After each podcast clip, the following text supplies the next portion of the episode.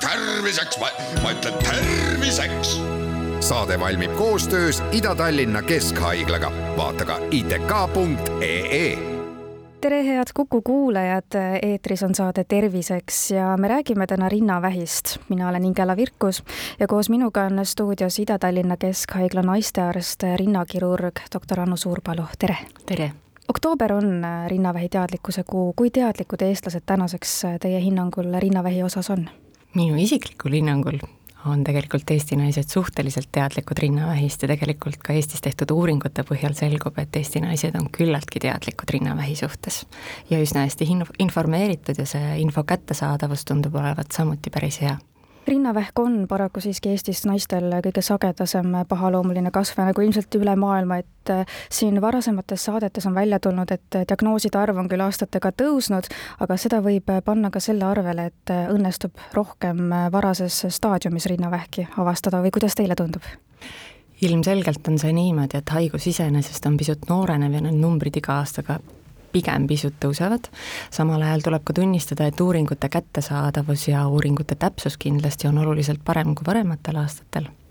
Aga eks ikkagi Eestis jääb see rinnavähi esmasjuhtude arv kusagil sinna kaheksasaja juhu piiridesse aastas, ütleme nii, et USA-s saab rinnavähi diagnoosi vähemalt iga kaheksas naine oma eluea jooksul, Lääne-Euroopas, noh Inglismaalt toodud arvud iga kaheteistkümnes naine ja Eestis on see arv natukene õnneks veel kõrgem, ehk et see esinemissagedus ei ole nii sage, aga ilmselgelt on see selline lääneliku elustiili haigus, pigem levinud hästi Põhja-Ameerikas, Lääne-Euroopas ja näiteks oluliselt harvem on rinnavähki Aafrika riikides, Jaapanis näiteks, kuid samal ajal on välja toodud, et ähm, kui Jaapanist kolib inimene elama Põhja-Ameerikasse, siis tegelikult äh, see erinevus kaob ühe kuni kahe generatsiooni vältel.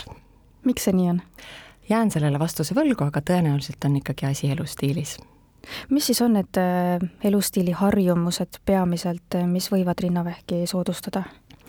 Rääkides elustiilist ja rinnavähist, siis tegelikult siin tuleb kindlasti välja, et on oluliselt äh, tõsisemaid faktoreid, mis on rinnavähki soodustavad faktorid, esiteks naissugu et, et üheksakümmend üheksa protsenti rinnavähkidest esineb naistel ja vaid üks protsent on seda siis meeste seast. teiseks äh, tõin juba välja, eks ju, need piirkondlikud eripärad ja geneetilised faktorid kindlasti, aga elustiili poolest äh, omab rinnavähi suhtes tähtsust kindlasti väga rasvarikas dieet ja ülekaalulisus.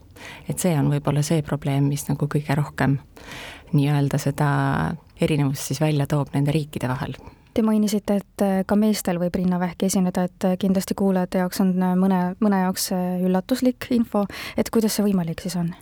Aga rinnanääre esineb ju meesterahvastel ka, lihtsalt ta ei ole arenenud sellisel moel nagu naistel. ja meeste rinnavähk sageli võib olla seotud tegelikult äh, geneetilise eelsoodumusega, ehk siis päriliku perekondliku rinna või rinnavähi sündroomiga aga kellel rinnavähi tekkeks selles mõttes suurem soodumus on, et on see pigem vanematel naistel rohkem levinud või äh, vanus ei loe? Vanus loeb väga, et tegelikult ikkagi sagedamini rinnavähki esineb äh, vanuses viiskümmend pluss, aga paraku, nagu ma juba eelnevalt ütlesin, haigus pigem näitab noorenemise tendentsi, ehk seega tegelikult rinnavähist äh, ohustatud on juba kõik üle neljakümneaastased naisterahvad. ehk et võib ka võib-olla niimoodi laialdasemalt välja tuua, et ähm, ütleme, veerand rinnavähi juhtudest on alla viiekümneaastastel naistel ja alla viie protsendiga alla kolmekümneaastastel naistel rinnavähi varajase avastamise juures on väga oluline ka see ise selline komplemine ja enesevaatlus, et mida seal võib-olla tähele peaks panema või mis on need rinnavähi sümptomid, mida iga naine võiks ise siis märgata või osata märgata? enesevaatluse ehk selle palpatsiooni või selle komplemise juures on siis võib-olla kõige olulisem see tegelikult, millal seda ajastada. Ehk et tegelikult kõige parem aeg selleks enesekontrolliks on tsükli esimene pool. see tähendab seda, et kui me võtame menstruatsiooni alguskuupäeva tsükli esimeseks päevaks, siis see enesekontrolli soovitatav aeg on viies kuni viieteistkümnes tsüklipäev ja enesekontrolliks tegelikult neid õpetusi internetist leiab tõenäoliselt väga mitmelt lehelt, on väga palju väga adekvaatseid eestikeelseid lehti, et kes vähegi nii-öelda pisut jaksab süveneda, et see kindlasti leiab. Et mõistlik on seda teha siis äh, nii püsti seistes kui lamades. Ja püsti seistes siis soovitavalt peegli ees, jälgida seda, et äh, nahal ei oleks mingisuguseid muutuseid, näiteks sissetõmbeid, nipuu sissetõmmet, või siis väga alarmeeriv äh, näitaja on selline apelsinikoore taoline nahk.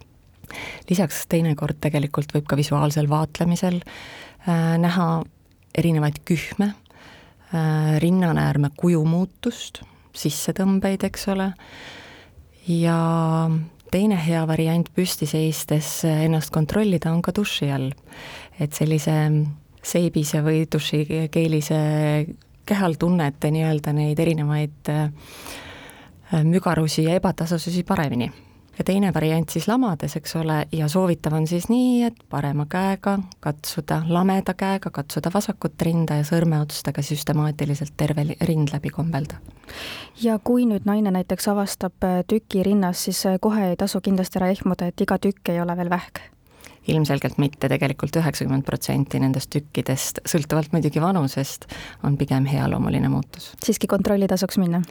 Kontrolli tasub minna, kui see tükk tegelikult mõne aja jooksul ära ei kao. ja kui ta on valutu ja võib-olla mitte nii selgelt piiritletud, et need on sellised alarmeerivad faktorid jälle mida veel lisaks sellele füüsilisele naine võiks tähele panna või kas on ka mingi selline enesetunde muutus või sümptom, mis rinnavähile võib? Äh, no tuleb paraku tunnistada, et noh, tõenäoliselt on see pigem õnneks, tegelikult äh, varases staadiumis avastatud rinnavähk tegelikult sümptomeid ei anna.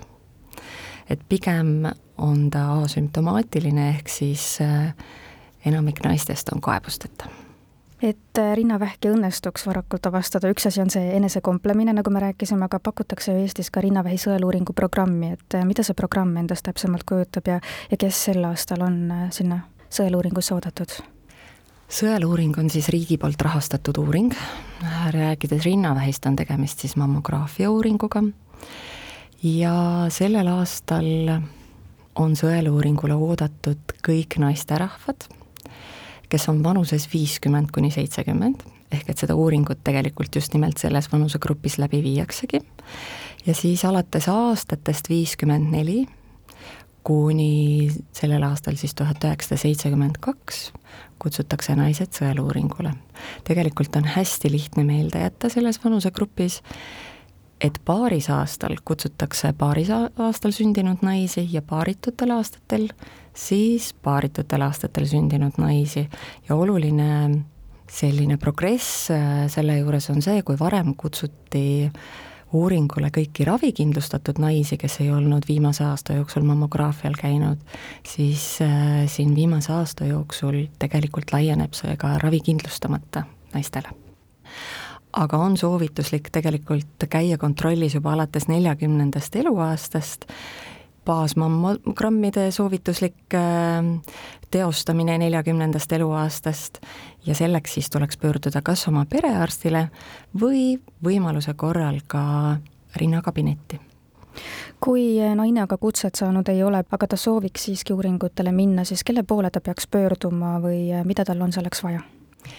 tõenäoliselt on kõige lihtsam alati pöörduda oma perearsti juurde, kelle käest saab piisavat infot, aga sõeluuringule minekuks, kui sa oled sündinud vastaval aastal, ei pea ära ootama seda kutset, vaid sa võid pöörduda erinevatesse screening uuringuid pakkuvatesse asutustesse ja tegelikult äh, ongi sul võimalus uuringuks. tingimus on lihtsalt siis see õigel aastal sündimine. me jätkame oma vestlust juba homme kell neliteist nelikümmend viis.